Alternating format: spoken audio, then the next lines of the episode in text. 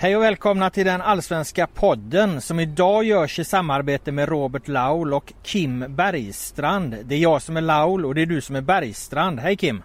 Hallå hallå! Idag ska vi prata om Allsvenskans 16 omgång, om en tabell som delat sig, om en guldstrid som tajtat till sig, om tränardissar och om spelarprotester. Vi ska såklart prata om Djurgården och om Kim Bergstrand som jag faktiskt har spelat med, eller åtminstone tränat ihop med ett par månader. Minns du det Kim? Nej. Vilken diss! Nej, jag vet inte. Nej, men när du säger det, jag tror att det var i Nacka. Vi har ju pratat om det förut. Ja det var, jag var uppe i Stockholm på praktik och så tränade jag några månader med Nacka. Man kan väl säga att du varvade ner din e- elitkarriär där och så blev du tränare eh, året efter. Det här var 2000 jag var där och sen blev du tränare 2001 för Nacka där. Jag kan väl inte säga att jag direkt tänkte på dig som en eh, fotbollstränare då men var det givet för dig att du skulle vandra tränarstigen? Nej, eh, inte hela livet såklart. Men jag gick ju GIHs tränarlinje mellan 96 och 2000. Och då blev jag intresserad, eller jag hade varit intresserad innan också, men ännu mer intresserad av framförallt ledarskap och, och, och i det blev det tränarskap också. Men, men nej, jag hade väl andra planer också. Men jag gick ju som sagt på GIH x antal år och sen gick jag på universitet i tre år också och, och pluggade management där också. Så jag hade väl tänkt att bli vuxen när jag slutade spela fotboll i BP. Men, men så fick jag ett erbjudande att bli tränare i BP. Och då, ja sen har jag inte blivit vuxen. Eh, efter BP så har du varit eh, Sirius och eh, nu Djurgården då. Vad skulle du själv säga är skillnaden mellan en mindre klubb som Sirius och stora Djurgården? Det är stor, skillnaden är ju det runt omkring egentligen. Det är större organisation, det är mer folk som bryr sig, det är större publik, det är lite större medieintresse. Eh, men, men alltså själva tränarjobbet är ingen skillnad alls egentligen. Ingen alls? Nej. Är, du jobbar med människor som du vill ska bli bättre i fotboll, du jobbar med att få ihop en grupp och ett lag och ett spel. Eh, så att eh, där är ju skillnaden absolut ingenting. Men, men det är, runt omkring är det skillnad. Som spelare har du SM-guld med AIK 92. Tommy Söderberg tränar er då. Har Tommy eller någon annan tränare betytt eh, något särskilt mycket för dig? Ja men det är Tommy. Den andra tränare har inte eh, gjort några större avtryck på mig men Tommy eh, gjorde enorma avtryck. Även Thomas Lyd som jobbade ihop med, med, med, med Tommy på den tiden när jag hade honom. Tommy var en väldigt stor inspirationskälla och är det fortfarande. På vilket sätt? Nej, men han är en otrolig människa eh, med, med stort hjärta och, och, en stor passion och empati och mm, duktig på att ta folk. Och, så, så att, eh, han inspirerade oss, både mig och Tolle tror jag, men jag har i alla fall fått väldigt mycket av honom. Du har ju spelat i både Gnaget och Bayern då, men det var aldrig något problem egentligen att komma hit till Djurgården även om det var liksom lite eh, frågor om det i media och så i, i början här. Ja, media gjorde sitt bästa för att det skulle bli eh, en fråga. Och nu är inte vi ute på alla forum och sånt så vi vet inte exakt vad som sades och sådär eh, av ren självbevarelsedrift. Men, men, eh, och det har ju gått eh, hyfsat resultatmässigt så har vi säkert dämpat om det fanns eh, agg mot det där. Men alltså vi är ju värvade, eller värvade, vi är tillsatta som tränare och vad vi spelade för 25 år sedan kanske inte är så himla stort ändå när folk tänker efter. Men jag tycker media eldade på det där lite då för ett halvår sedan eller? Jag tycker verkligen man gjorde så gott man kunde. Men på eh, ganska plumpt tycker jag. Något särskilt som sticker ut där? Nej, alla var ju sprang åt samma håll som vanligt så eh, det var ingen som gick åt något annat håll i alla fall. Alla försökte. Är det så du ser på media att vi springer åt samma håll? Nej men ofta när det är något sånt där så är det, alltså rubrikerna blir ju lätt samma. Det är ju så med, det här var ju inget drev, det är inte så jag menar men det är visst är det ganska likriktat ofta. Apropå AIK, visst vore det väl bra för svensk fotboll om de går till Champions League nu? Det vet jag inte eh, om det. Eh, då är ju de, eh, får de massa pengar och springer upp i Malmös klass. Så det är jobbigt att jaga de som har eh, dubbelt så stora budgetar. Så att, eh, det kanske är bra för svensk fotboll, jag vet faktiskt inte. Eh, det är inte jag vet inte om det är så jävla bra för Djurgården. det kanske är bra för svensk fotboll, jag är inte rätt man att svara på det. Vore det bra annars tycker du för Stockholmsfotbollen om det öppnades upp mer för spelare och gå mellan lagen på ett mer avslappnat vis? Eller vill du ha den här rivaliteten som, som finns här, här och nu? Rivaliteten tror jag är jättebra. Eh, det, det pushar alla tre klubbarna att göra bra ifrån sig. Sen får den ju försöka hålla sig inom någon form av mänskliga gränser tycker jag. Det, där är en svår balansgång och fansen är passionerade och allt det där. Ehm, det är en svår fråga faktiskt. Ehm, det ska vara en rivalitet och sen var gränserna för den där rivaliteten går, den är, gäller att ha koll på tycker jag. Men, men det är ju upp till, till klubbarna tycker jag också att se till att hålla den på någorlunda bra nivå. Det, just nu känns det som att det är lagom. Tycker du alla klubbar gör det de ska i det avseendet? Ja, men jag upplever det så att man har en bra dialog med varandra i alla fall på, på högre upp. Och jag, jag tror att fansen också har någon form av eh, underdog eller undercover-dialog och, och sådär. Så att, eh, men det, jag är inte rätt man att svara på hur det funkar överallt men jag vet ju att Henrik och, och vår styrelse har kontakt med de andra styrelserna och klubbchefen och allt vad det är för något. Så att, visst pågår en, eh, ett samarbete för att det ska gå framåt. Anledningen till att jag frågar där kring spelare är för att Jiloan Hamad bröt precis sitt kontrakt i Sydkorea. Skulle det vara en möjlig övergång till Djurgården eller eh, skulle det grusas av att han har spelat i Hammarby? Jag är inte rätt man att svara på det eh, faktiskt. Eh, jag tror att Bosse är bättre på att svara på det eller Henke. Kan inte historierna riktigt. Jag vet inte var, var gränserna går riktigt för det där faktiskt. Skulle du vilja se Hamad i Djurgården som spelare då, om du tittar på hans kvaliteter i och med att han som sagt bröt sitt kontrakt här nu alldeles nyss? Jävligt duktig fotbollsspelare men det är inte just den typen av fotbollsspelare som Djurgården eh, eventuellt skulle eh, söka just nu tror jag. Men, men eh, ja, om, det, om det blir så så får vi värdera det. Jag, inte, jag vet inte vad han har gjort sista halvåret heller. Det är mycket snack annars om Gustav Ludvigsson från en ÖIS där. Han var aktuell för er i vintras har jag hört. Ja, han var väl en av spelarna som, som, eh, som Bosse jobbade på om jag förstått det hela rätt. Men det blev ingenting. Så att, eh, ja, där står vi nu. Nu är det fler som är intresserade. Är ni fortfarande kvar i racet på honom? Det ska jag Bosse svara på. Hur ser du på honom som spelare då? Nej, men det är en intressant typ. Eh, vi följde han i Sirius också. Eh, han är fysisk, eh, otroligt, eh, en av de mest fysiska spelarna som finns i, i svensk fotboll. Och verkar ha ett jävla bra uh, idrottspsyke i största allmänhet. Han är inte helt oen fotbollsspelare heller. Vad tittar ni för, på för position när det gäller sommarvärvningar eller kommer ni inte göra något det här fönstret? Hur ser du på det? Ja, det, det, kan hända saker hela tiden, både in och ut. Och, och men vi har valt jag att hålla att eh, vi jobbar med de spelarna vi har hela tiden och kommenterar inte truppstatusen så mycket av respekt för det, vårt eget omklädningsrum. Eh, så att eh, vi får se vad, Bosse, vad, som händer, om det är någon som försvinner, om det kommer in någonting. Det jobbas alltid. Eh, det gäller att vara förberedd på olika saker och det vet jag att Bosse är och vi är med i den dialogen. Men mer än så vill inte vi säga utan vi, vi har just nu 21 utspelare tror jag det är eller något sånt där och, och tre målvakter. Det är de vi jobbar med så får vi se om det händer något.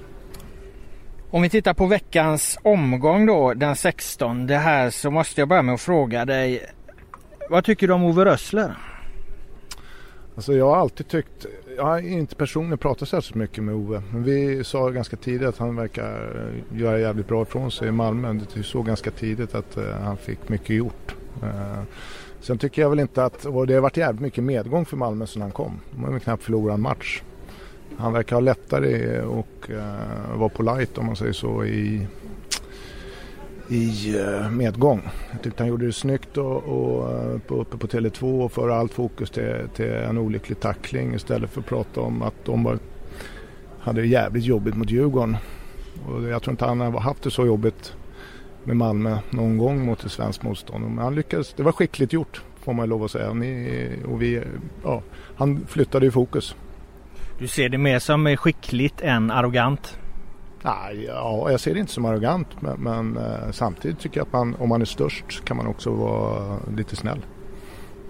Jag tänkte på att han gav Mirza Jelesak i Sirius en liten klapp på axeln här nu i senaste omgången för de tog en poäng och Mirza menar på att vi vill ju haft tre. Ja, nej men jag har inte sett det där men jag, jag hade kontakt med Mirza och även någon Sirius-supporter som meddelade att det hade varit mindre eh, lite von oben perspektiv på det hela. Och det tycker jag, och Mirza, om jag har förstått rätt, reagerade bra tycker jag.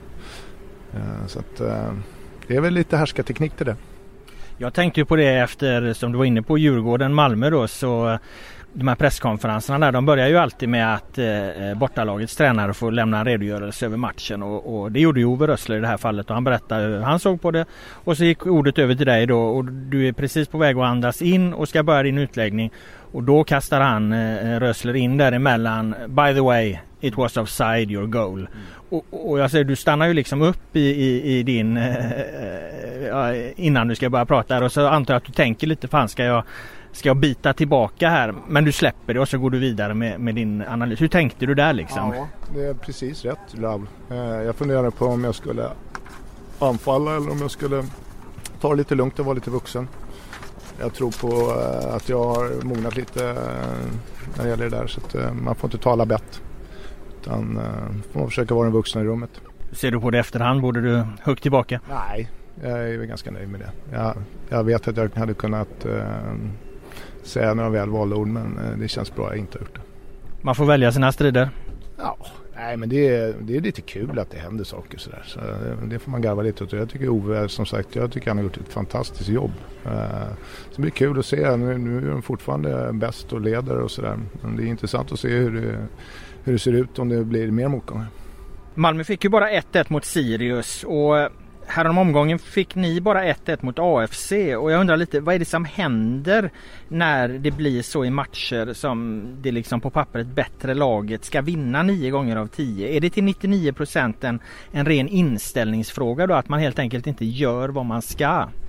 Nej men om det var så att eh, man vann varje match att, att de tippade lagen vann varje match så kunde vi skita i att spela i Allsvenskan och alla andra serier och alla andra kupper i världen också. Vi har vunnit många matcher som tränare i Sirius mot bättre lag och det kommer alltid att hända. Eller bättre lag på pappret. Eh, det är inte bara att åka och hämta poäng eh, vare sig i Kalmar borta eller AFC borta eller någon annanstans. Utan det är ett jävla tufft jobb och det är inga dåliga lag. De är välorganiserade. Och Gör du inte allting perfekt och har inte den kvaliteten alltid heller, då, då vinner du inte. Eh, vi gjorde ingen jättedålig match mot Eskilstuna. Vi tar ledningen, sen släpper vi in mål eh, lite för snabbt och så trillar det över till dem igen. Så här. Så det gäller att ta de chanserna man får och knyta till. Det gjorde inte vi tillräckligt bra, men, men eh, att det inte skulle jobba tillräckligt eller kämpa tillräckligt så här, om, om det gällde det. Jag tycker Falkenberg till exempel kämpar så inåt helvete varje match men då leder inte allsvenskan i alla fall. Så det, det handlar ju om kvalitet och våra spelare tycker jag får ut otroligt mycket av sina kroppar och hjärnor varje vecka. Så. Men vi, vi var inte tillräckligt vassa helt enkelt. Eftersom ni då samtidigt i den här omgången vann mot Kalmar och AIK ångar på så har ju guldstriden tajtats till ganska rejält. Eh, om ni vinner er hängmatch gentemot Malmö och AIK så är ni ju tre lag inom tre poäng där i toppen. Skulle du säga att Djurgården just nu är på samma nivå som Malmö FF och AIK? Ja uppenbarligen. Ja nu är vi ju inte det för vi har ju den här hängmatchen. Eh, men, men eh, vi, eh, Djurgårdens målsättning när vi skrev på var ju att vara med ihop de Europaplatser. Nu har vi spelat lite mer än halva säsongen och vi befinner oss i ett läge där, där, där vi kan göra, nå den målsättningen. Så just nu är vi, ja, jag vet inte, är det sex poäng efter Malmö eller fem poäng? Ja, det är väl där vi befinner oss just nu. Det kan ju ingen, även om det var någon expert som tydligen tyckte att Djurgården hade tur så får vi väl skita i att träna och fortsätta lita på turen. Vem var experten som tyckte ni hade tur? Verkar ha, verkar ha fast... Det. Eh, Vår mediechef i någon intervju som sa att eh, det var någon som hade tweetat att vi hade tur. Och, och då behöver man inte träna utan då är det bara antingen har man tur eller så har man otur. Vi hoppas på att turen fortsätter. Eh, Henke Larsson uttalade sig om det här också här på en presskonferens. Jag vet inte om det var vad det ville syftade på. Men eh, han menar ju på att Malmö FF och AIK är det som leder riktningen framåt för allsvenskan just nu genom sitt sätt att spela. Eh, håller du med Henke där? Ja, Kalmar spelar likadant och Sirius spelar ungefär likadant och Sundsvall spelar ungefär likadant. Så om man nu menar att han har tre eller fem, fembackslinjer så ja, det är de två bästa lagen i serien just nu poängmässigt. De spelar så. Men eh, ja, det ska jag inte vilja påstå att det är särskilt ledande på något sätt. Utan det är anpassat efter Rickards filosofi och Rössle tror jag anpassat efter eh, Malmös sätt att vara både som klubb och spela material. Så jag tror inte det sitter i organisationsformen eh, särskilt mycket vilka som vinner allsvenskan utan det är helt andra parametrar som, som avgör det. Rickard Norling uttalar sig också om det. Han menar ju på att Malmö och AIK då spelar nästintill identiskt. Ni har ju mött eh, båda lagen här. Skulle du säga att de är nästintill identiska i sitt sätt att spela? Nej, det tycker jag inte alls. Eh, nu har jag inte sett AIKs sista matcher så det kan hända att de har ändrat lite. Eh, men jag tycker inte de spelade likadant i våras i alla fall när, när vi scoutade AIK hårt. Vad är skillnaden? Jag tycker Malmö är, lite mer direkta eh, i sitt spel eh, och eh, det är svårt att peka på exakt men AIK är lite mer defensivt balanserade tycker jag. Jag tycker Malmö spelar mer trebackslinje och AIK mer fembackslinje. Tror du att Norling kan ha sagt sådär för att han, det har varit lite kritik mot AIK att de är för defensiva och då vill han lägga upp det på, på Malmös nivå istället? Och styra bort det därifrån? Att det är lite taktik av Norling där? Nej, jag vill inte spekulera i det. Men nu har ju AIK eh, gjort en jävla massa mål så det är väl konstigt att säga att de är defensivt balanserade. Men jag tycker oftare de är tajtare eh, så det, än vad Malmö är. Men, men alltså, organisationsmässigt är de ju lika. Men jag, jag är inte rätt man. Jag har inte sett AIK tillräckligt mycket på slutet för att kunna bedöma om de, är, om de har närmat sig Malmö.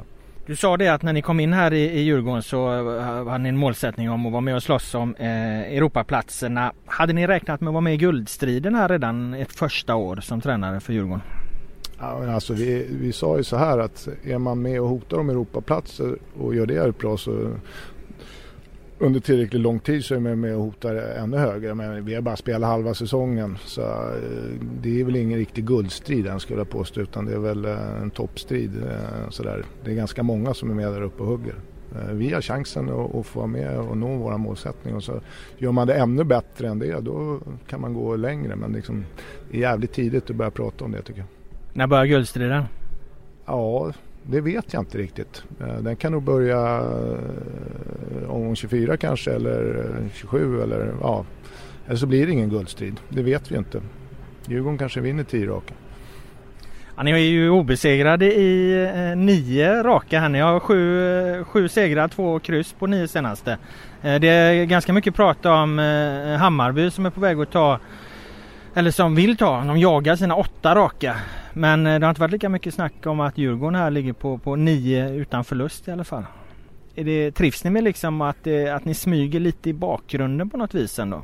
Ja, vi litar på turen där. Nej men äh, jag vet inte om vi är i bakgrunden. Vi, vi, vi... Eller skymundan kanske ett ja, bättre ord med att det liksom... Eh... Men Hammarby har ju gjort, eh, de har ju vunnit stort här och spelar jävligt bra fotboll framförallt hemma. Eh, så det förtjänar väl att få strålkastarljuset då. Eh, man får väl det man förtjänar men, men vi är jävligt tacksamma att vi är obesegrade nio matcher. Vi är väldigt jobbiga att möta och vi Eh, är svåra att slå och vi vinner ganska mycket så det, eh, det, det, får man bara, bara ta emot och så göra det ännu bättre.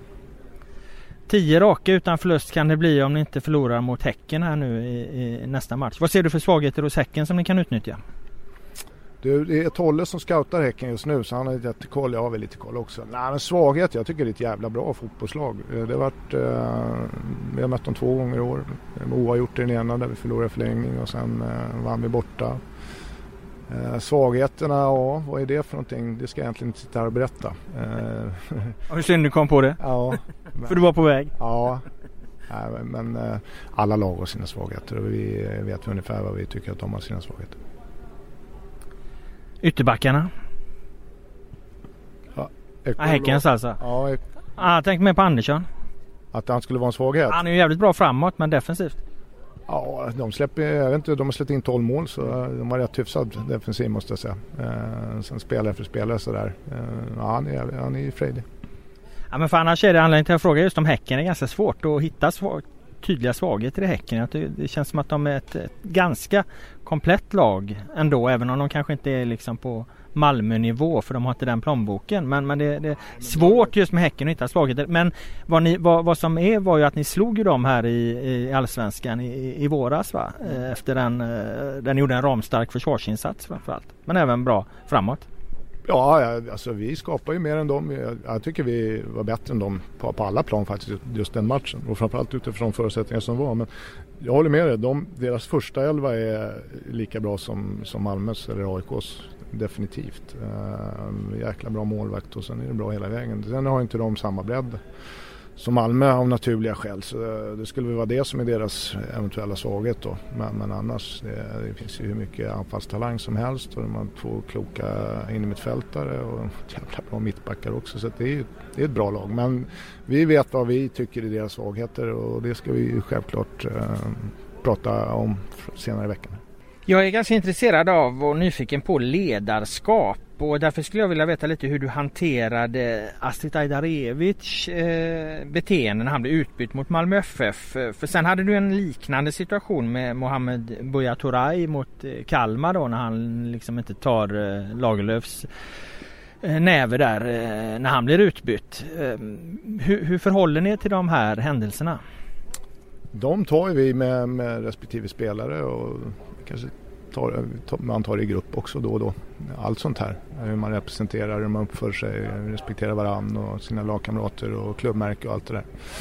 Och eh, det är inte så att någon av eh, spelare som gör eh, mindre mm, bra grejer sådär är jättestolt över det dagen efter och tycker att fan, det där ska jag fortsätta göra. Utan det handlar om att förändra beteenden och kliva upp i sandlådan och bli vuxen. Men vi jobbar med människor och människor eh, tenderar att göra saker som är lite eh, fel ibland. Och då får man eh, kritisera det beteendet, prata om det beteendet och så eh, förhoppningsvis får man till en förändring. Så att, eh, det är inte konstigare än så. Eh, så länge vi jobbar med, med människor så kommer det hända saker. Det är inte bra och det är ingenting vi önskar. Och mm, alla, men eh, som sagt spelarna är människor och de har känslor och sådär. Men det gäller att kliva upp lite i sandlådan ibland och, och inse sin roll och vad det innebär att vara fotbollsspelare. Och det pratar vi ganska mycket om och vi tycker att vi har ett väldigt väl fungerande omklädningsrum och ett jävla bra lag. Men eh, ibland så går det fel, det är bara så. Och det, så kom, det, och det kommer fortsätta gå fel. Men eh, ju, ju mindre sådana grejer vi, vi har, för det tar energi. Jag pratar om det med dig nu, man pratar om det med andra. Så det är bättre vi kan lägga energin på att bli bättre som fotbollslag och bättre som grupp. Men, men eh, sånt här kommer hända. Och är det, inte, är det inte större grejer än så, då får man, eh, liksom, man får jobba med det bara. Jag pratade med Stefan Billborn om det när jag hade med han i podden och han berättade att de hade haft några liknande grejer i höstas i Hammarby och han sa att hans sätt var att ta det i grupp eh, inför alla andra spelare. Eh, för det såg han som, som ett bra sätt att, att hantera det på. Resonerar du likadant eller? Jag tycker man ska göra både och. Alltså, varje situation är unik också. Varför och hur och hur det sker och sådär. Det händer ju massor med grejer på en sån här arbetsplats. En del grejer tar man eh, mellan fyra ögon eller sex ögon eller åtta ögon och sen får man ut det i gruppen också. Men generellt så brukar spelarna själva ta det med gruppen också och be om ursäkt om de har gjort något dumt eller sådär. Så jag tycker vi har bra dynamik där och ganska högt i tak och öppet sådär. Men det är inget det är ingen som är stolt när man gör, vare sig som tränare eller liksom spelare om man, om man går över gränser. Det är ingenting man är jättestolt över. Men vi, vi gör ju fel ibland. Det som händer där är ju att det blir ju en lång, tänker jag, process av händelser som man måste hantera. Du vet ju att när du går till presskonferensen direkt efter matchen då kommer du få prata om det. Sen får ni e-, Erik Edman efter er på liksom i media då som tycker att det här är eh, barnrumpor eller bebisar eller vad han sa liksom ett par dagar senare liksom. Så det blir ju en, det blir en, en kedja av händelser då, inte bara internt utan även externt som ska hanteras tänker jag. Ja så är det ju. Ja, men det var det jag sa, det tar ju liksom lite energi som vi kan lägga på något annat. Uh, sen är det ju bra att Erik då, om han var ute efter det där, att han får Eh, jobb också och ni får skriva och sådär. Så, eh, och varje sån här liten grej som kanske inte är en grej görs ju gärna lite större än vad den kanske är också. Men det är, det är ju så världen funkar och vi, ni behöver sälja annonser och få klick och, och, det är klart att det är bättre att jag kunde sitta och prata med dig om någonting annat. Samtidigt ingår det i liksom ledarskap och vi vill ju undvika det där så vi får ju bli ännu bättre som ledare och utbilda spelarna bättre och sådär. Men, men, som sagt, så länge man har med människor att göra så ibland går det lite fel. Men det är liksom inte världskrigsfel om man säger så. Apropå Ajdarevic, eh, har ni fått ut max av honom fotbollsmässigt om vi byter spår? Ja, alltså man kan säga så här att har man inte fysiken på plats så får man inte ut max av sig själv som fotbollsspelare. Eller, så, så att vi, vi kämpar ju på. Eh, han gör det otroligt. Så länge han orkar i matcherna och, eh, så, så får vi ut max.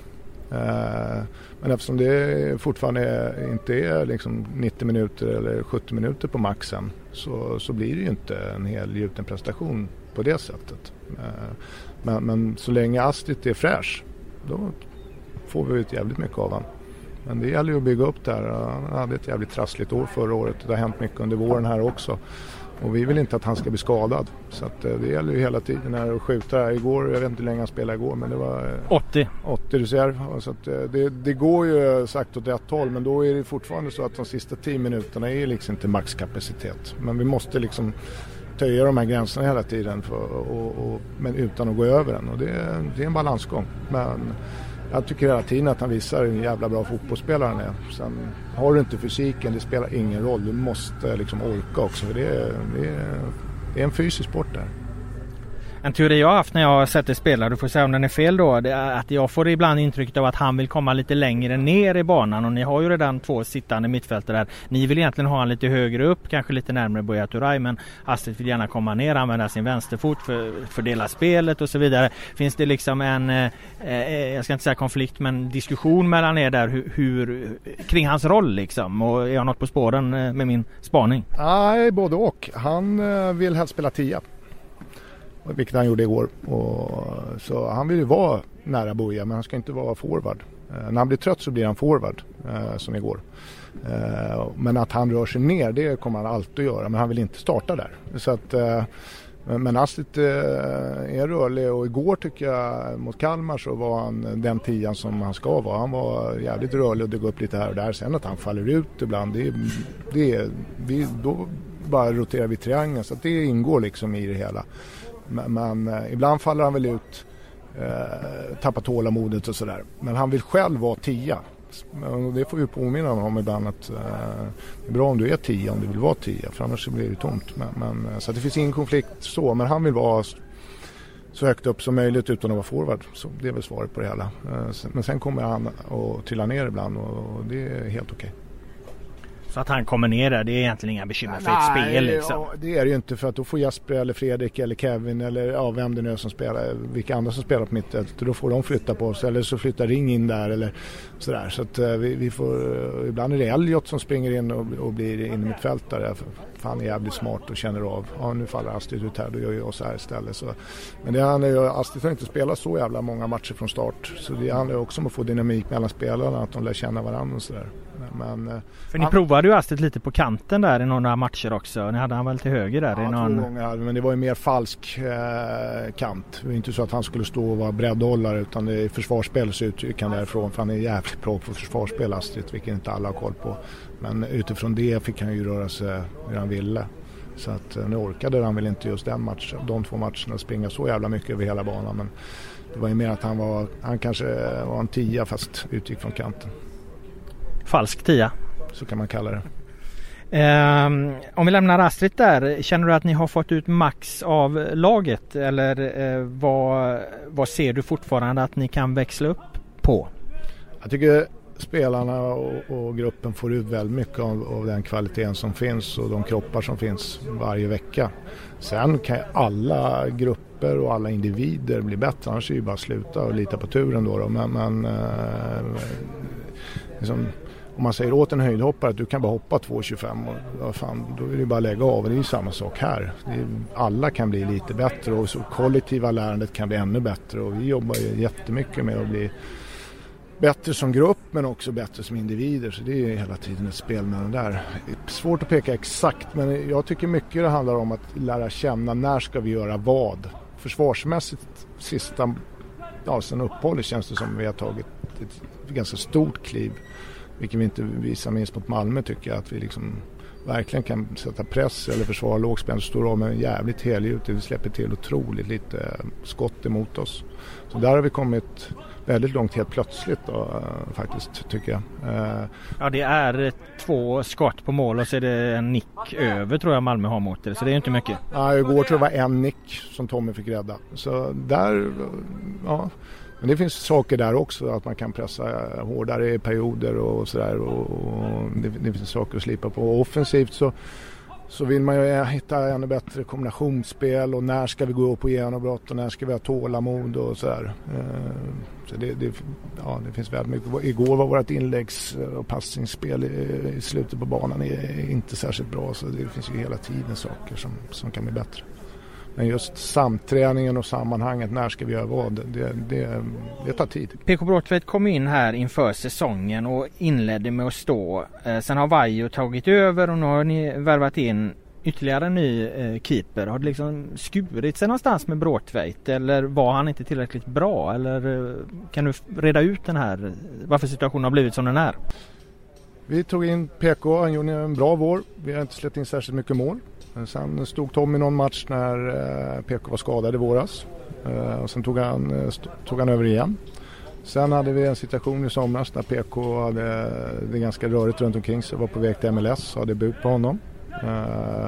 Då ställde vi Tommy för han var mer i balans och gjorde bättre på träningen. Sen har Tommy sett in ett mål tror jag, sen han stod.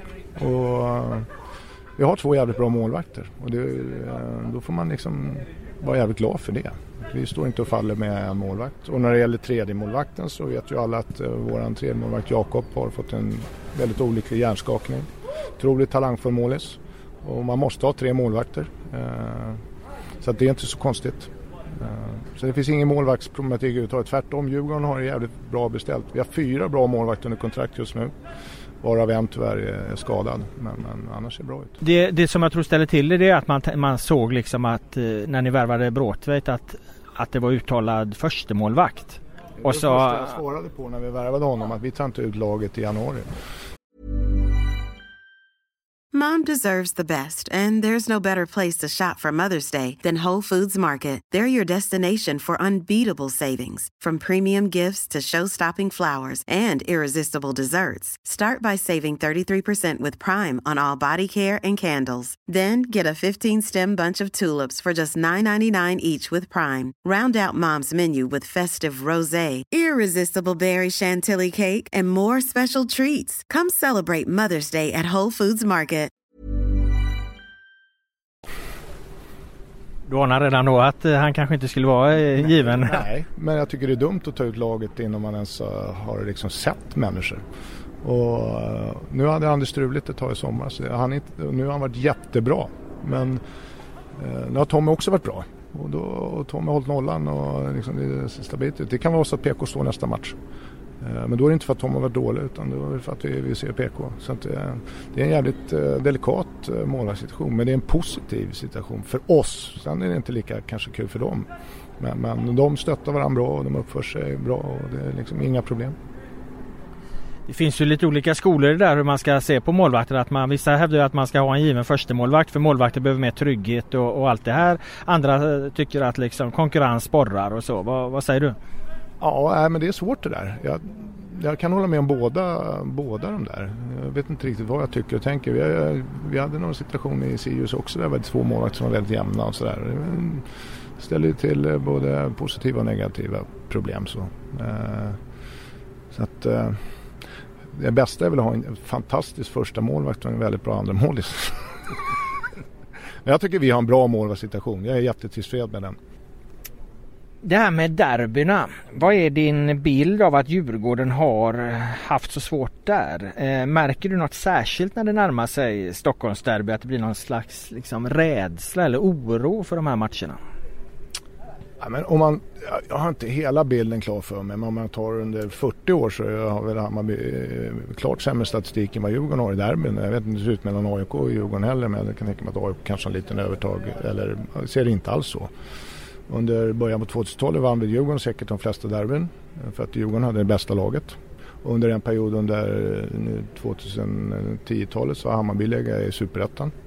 Så då har det varit Djurgården och AIK som har slagits och då har AIK varit eh, topp tre och Djurgården har varit lite längre ner i tabellen. Alltså har väl AIK haft en bättre trupp än Djurgården, alltså vinner de fler derbyn. Eh, så har det väl varit. Eh, Sen förra året bröts det där av Öskan, eh, exorcisterna drev ut det där spöket och så vann man. Och eh, i år så har vi förlorat två derbyn. Men jag skulle inte vilja påstå att eh, i vårt omklädningsrum att det eh, finns något eh, som liksom att folk är stressade eller jag upplever det som ganska lugnt sådär. Men jag upplever däremot runt omkring eh, Djurgården eh, att det pratas väldigt mycket om det här. Att det betyder ju det gör det ju för alla spelare och ledare också men att det är jävligt jobbigt att det, den här statistiken finns under, om det nu är en tioårsperiod eller vad, vad det är för någonting, och att det påverkar väldigt mycket. Och att det betyder kanske lite extra än vad det ens har gjort för 20 år sedan när man kanske vann varannan match. Jag vet inte men jag, jag tror att det, det, finns en påverkan utifrån eh, och man läser in saker som kanske inte riktigt stämmer. Så där. Men det är bara att förhålla sig. Vi behöver vinna derben om vi vill vara med i toppen. Eh, nu har vi inte gjort det i år men man, det är lätt att man inte ser varje enskild match heller. Jag tycker vi gjorde en jättebra match mot AIK tills de tar ledning med 2-0. Då, då blir vi stressade. Men fram till dess så är vi bättre än AIK. Och när det gäller Hammarby så hade vi mindre vila, vi hade fått Mackan skadad, vi fick, eh, liksom, hade sjukdomar, vi hade tre toppmatcher på en vecka och vi fick minst vila av alla. Vi, lyckades, eh, vi hade Häcken, Norrköping och avslutade med Hammarby. Hammarby hade mer vila än oss och vi hade, jag tror det var nio influensafall där på en kort tid. Så det, den kom jävligt olägg för oss och de körde över oss eh, i början av matchen eh, och det var jobbigt. Så man får se matcherna lite så. Men man ska inte säga att det inte finns någonting som hänger över Djurgården. Men är, man gör det lite större än vad det är ska jag säga. Jag vet inte, det var ett jävligt långt svar Ja men det var intressant eh, också måste jag säga. Sen vet jag ju att i, inom ledarskap och så resonerar man väl att man ska inte göra något speciellt inför matcher för att då liksom mm, Ja man ska hålla sig till sina rutiner helt enkelt att det egentligen är det bästa sättet att förbereda sig. Gäller det även inför derbyn i den situation som Djurgården befinner sig i eller måste man hantera dem på ett annat sätt? Ja, men de, de, de, flesta har inte varit med under hela den här perioden i vårt omklubb men alla har spelat derby nu. Så att de vet vad som, vad som kommer hända och är förberedda så. Och vi som ledare har varit med ett tag också. Uh, så att, men däremot måste man ju prata om eh, känslor, hur mår man, vad är det värsta som kan hända, vad gör vi si och så. Det är liksom ingenting att låtsas om att det inte finns ett tryck att vinna derbyn. Men vägen att vinna derbyt är fortfarande att göra rätt saker på plan utifrån de förutsättningar som ett derby är. Och en derby är inte riktigt som alla andra matcher. Det kan hända eh, saker runt omkring och det är mycket högre ljudvolymer och det är, liksom, det är mer anspänning på, på ett sätt. Men du, du kan inte förbereda dig mer mentalt. Men fotbollsmässigt samma sak. Och, ja, vi spelade skjortan av Hammarby i perioder i, i, i kuppen så det är klart att vi kan hantera det där. Och jag tycker att vi gjorde en skitbra match mot AIK också. Men resultatet var inte bra. Har du ett behov av eller anser du det viktigt att skydda dina spelare och i så fall varför? Jag tänker lite på den här situationen med eh, Radetinac vs Traustason. Eh, där du var ganska defensiv på presskonferensen och då tänkte jag att bör inte alla inom fotbollen liksom när det är den typen av eh, ja, men karriärhotande tacklingar. Eh, att man ska markera mot det för att det någonstans handlar om spelares säkerhet. Hur ser du på det? Ja men du vet ju, du vet ju Laul att vad jag sa på presskonferensen. Och vad sa jag?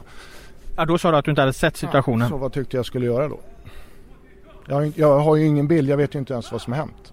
Ska jag vara offensiv då eller ska jag liksom, jag måste jag kan bara säga jag såg, jag har inte sett situationen. Så att eh, jag var varken defensiv eller offensiv och, ingen, och jag svarade att ingen vill se fula tacklingar. Så vad mer ska jag göra? Hur ser du på den idag? Att den är olycklig. Den är inte bra. Men det är, jag ser inget uppsåt i den tacklingen. Men den är lik förbannat ful. Och det vill vi absolut inte ha i fotboll. Jag är den första att vara emot det. Men jag kan inte sitta på en presskonferens och tycka på någonting som jag inte har sett. Det, är liksom, det blir väldigt dumt. Så jag tycker du är lite snett ute. Jag tänker att ibland så säger tränare så att de inte har sett en situation för att de liksom inte ska behöva ta tag i den. Nej, jag tänkte att, nej just det jag var inne på att ifall det är viktigt att skydda spelaren i det läget att, att eh, att det är en del av ditt ledarskap. Nej, att eh, hellre gå in och skydda spelaren än att markera mot den hårda tacklingen. Det var väl någonstans det jag vill åt hur du ser på det i ditt ledarskap. Men nu svarar du här. Sett tacklingen Eh, att det var ett uppsåt att göra något fult, då kan jag fördöma det alla dagar i veckan. Eh, men skydda spelare ska man definitivt göra i vissa situationer. Det är ju det är mina grabbar. De, är, de kommer jag alltid att skydda. Men inte liksom, gör de dumma saker så får man stå för det. Nu hade inte jag sett situationen så jag kan inte sitta på en presskonferens och tycka och tänka om saker jag inte har sett. Det blir pinsamt bara. Så är det bara. Hur ser du på att det inte blir någon avstängning? Ja, alltså det där med disciplinämnen där, det skulle vi kunna ha en egen podd om. Eh, eh, Han hade kunnat bli avstängd. Och jag hade inte protesterat. Eh, men det finns många situationer eh, i matcher som, som borde granskas och grejas och fixas med. Men det är svårt det där. Jag hade inte protesterat mot om han hade fått en match avstängd. Än? Ja, alltså det som de hade bestämt men, men eh, det är ju inte, det är liksom hela den här disciplingrejen. Jag tycker det som Yashin får är helt uppåt väggarna och sådär. Så det, Eh, och eh, vad Kennedy fick för några år sedan Det var liksom jävligt märkligt. Och sen finns det riktigt fula tacklingar, den som Nyholm åker på. Där det liksom, ja. så, så det där är intressant. Är det något du vill eh, agera kring eller få ordning på ur ja, ditt perspektiv? Eller? Jag tycker att det behövs en diskussion om, om det här överhuvudtaget. Att vi, vad ska disciplinen göra och hur ska vi ha det med saker och ting och kort, hur mycket ska de vara värda? Alltså det, hela regel eller runt det här vore bra om man tror jag, satte sig ner och, och tog en runda runt. Du kallar till stormöte? Nej, men jag tror att det är bra om det förs en, en saklig och lugn diskussion hur vill vi att det ska se ut. Men nu tycker jag att allsvenskan faktiskt är en väldigt befriad från filmningar, dåligt uppträdande, fula tacklingar generellt sett. Så det är en ren och ganska ärlig liga. Alltså det är inget stort problem men man, ibland gör man ju problem av saker som inte är ett problem heller. Och jag tror att en sån här tackling blir så jävla stor därför att den är så ovanlig. Eh, och därför slås det på och Ove gjorde det bästa för att spä på det också. Så att, eh, vi har en jävla ren och bra liga tycker jag. När du säger att Marcus Danielsson är allsvenskans bästa mittback, vad lägger du i det? Ja, jag sa att han var en av de bästa tror jag. Uh, nej, men han, uh, han styr ett försvar som inte släpper in mycket mål. Han är där han ska vara uh, försvarsmässigt. Uh, väldigt följsam. Otroligt bra på att koppla aggressivitet till, till avslappning. han är bollskicklig. Gör saker med bollen. så att, liksom, rak i ryggen och otroligt skicklig försvarsspelare ta kommand, vet exakt när han ska ta kommandon mot en situation och när han ska vara lite avvaktande och sen när det är rätt läge så tar han bollen. Liksom. Så att, äh, jag har inte sett äh, många som är bättre i Allsvenskan. Förbundskapten Jan Andersson tar ju alltid ut Andreas Granqvist och senast även Per Karlsson från Allsvenskan före. Bör han ta ut Danielsson före de här två nästa gång? Nej, det vill jag absolut inte påstå men jag tycker att eh, han är inte sämre än Per Karlsson. Eh, Granqvist har inte sett någonting så det kan jag inte uttala men han är ju eh, faktiskt eh, kapten i landslaget och har gjort det så fantastiskt bra. Så det är inte, jag är inte rätt man att sitta och uttala mig om det. Jag kan bara konstatera att Mackan är jävligt bra. Sen ser Janne alla våra mittbackar så internationellt och nationellt mycket mer än vad jag gör. Så att han har full koll på det där och jag pratar med Janne då och då. Och jag har bara talat om att jag, till honom att jag tycker att Mackan är jävligt bra. Du har sagt det till Janne också? Ja, vi pratar lite då och då så det är liksom inga hemligheter så. Eh, och jag sa inte att han skulle vara med i landslaget, jag sa att han tycker är en av allsvenskans bästa backar. Nej du sa inte det men jag försöker få det så här. Ja, nej men eh, jag tar inte ut landslaget men jag tycker Mackan är en väldigt bra spelare och jag tror inte han skulle göra bort sig. Är inte Erik Berg egentligen bäst av alla bara det att han eh, inte vill vara med i landslaget själv längre? Så kan det vara. Men tyvärr så vet vi inte hur bra Erik är just nu. Men utan att ha tränat någonting på en försäsong så var han väldigt bra de matcherna han har representerat Djurgården i år och är en jävligt skicklig fotbollsspelare. Uh, han skulle säkert kunna spela i landslaget om han bestämde sig för det uh, mentalt men framförallt måste han ju vara frisk. Hur långt borta är han? Jag vet inte. Vi har sagt att det, nu är det fem, sex veckor där han uh, ägnar sig åt att få sitt knä i, i skick och sen får vi se hur det ser ut efter det. Så att, och sen har han inte tränat fotboll då på uh, sju, åtta veckor och så ja, hur lång tid tar det innan han kan stå på fotbollsplanen. Så det är ja, obestämd tid ska jag påstå tyvärr. Om du kollar den allsvenska tabellen just nu så skiktades den den här omgången kan man säga. För nu skiljer det åtta poäng mellan plats eh, sju och åtta. Så att det är liksom sju eh, lag som någonstans är med där uppe. Eh, av de här sju, vilka tror du faller bort? Ja, jag tror inte att det är något som kommer att falla bort eh, just nu. Jag tror att eh, de, de lagen som, som eh, är topp sju jag tror att det är Häcken och Norrköping, vi, AIK, Hammarby, Göteborg och Malmö. Va? Jag tror att de kommer att kriga på ett tag nu. Så får vi se. Men, men, jag kan inte peka ut någon som jag, ja men de där håller inte eller sådär. Det är sju ganska hyfsat jämna lag. Sen har ju Malmö har ju sitt försprång. Eh, men i övrigt så, ja, vi får se. En stor nyhet den här veckan har ju varit att vissa konstgräsplaner kan förbjudas på grund av miljöskäl. Eh, som gammal fotbollsspelare ur min generation då, finns det något i dig som skulle välkomna ett förbud mot konstgräs i Allsvenskan? Ah, alltså jag tycker att fotboll ska spelas på en bra gräsplan. Det tror jag alla tycker. Men vi, det, så är ju inte förutsättningarna. Så det är liksom en, egentligen en icke-fråga om det inte bestäms från centralt håll. Men vad ska Östersund och, och liksom, eh, vad ska, ja, jag ser inte att, hur det ska kunna hända. Men, men är det någonstans där man skulle kunna göra då är det ju möjligen i allsvenskan. Men vad händer när något lag går upp? Alltså det får ju enorma konsekvenser om man tar det beslutet och det ska man nog tänka igenom noga. Men en bra gräsplan vill alla ha men det är ju till och med främst då vår nationalarena när man ser Malmö och AIK spela. Då hade det varit bättre om det var en bra en konstgräsplan än att det är en pissdålig gräsplan. Så för fotbollens skull så en bra gräsplan ja.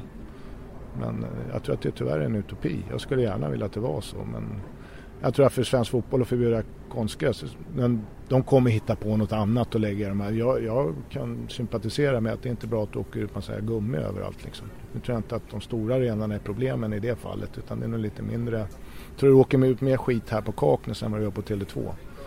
Att, eh, men miljön ska vi vara jävligt rädda om. Vad fina slutord. Ja, tack. Om du inte har något mer du vill säga nu när du är med i Allsvenska podden här har du fått, fått tryckt på allt du behöver säga. Ja, men jag hoppas att du har fått svar på allt du ville veta. Ja det tror jag nog nästan att jag har fått alltså. Tyckte det var ett intressant samtal. Tycker jag med. Jättebra. Jag tackar eh, för att eh, du var med Kim och eh, levererade dina svar och åsikter. Och jag tackar alla er som har lyssnat. Den allsvenska podden är tillbaka nästa vecka.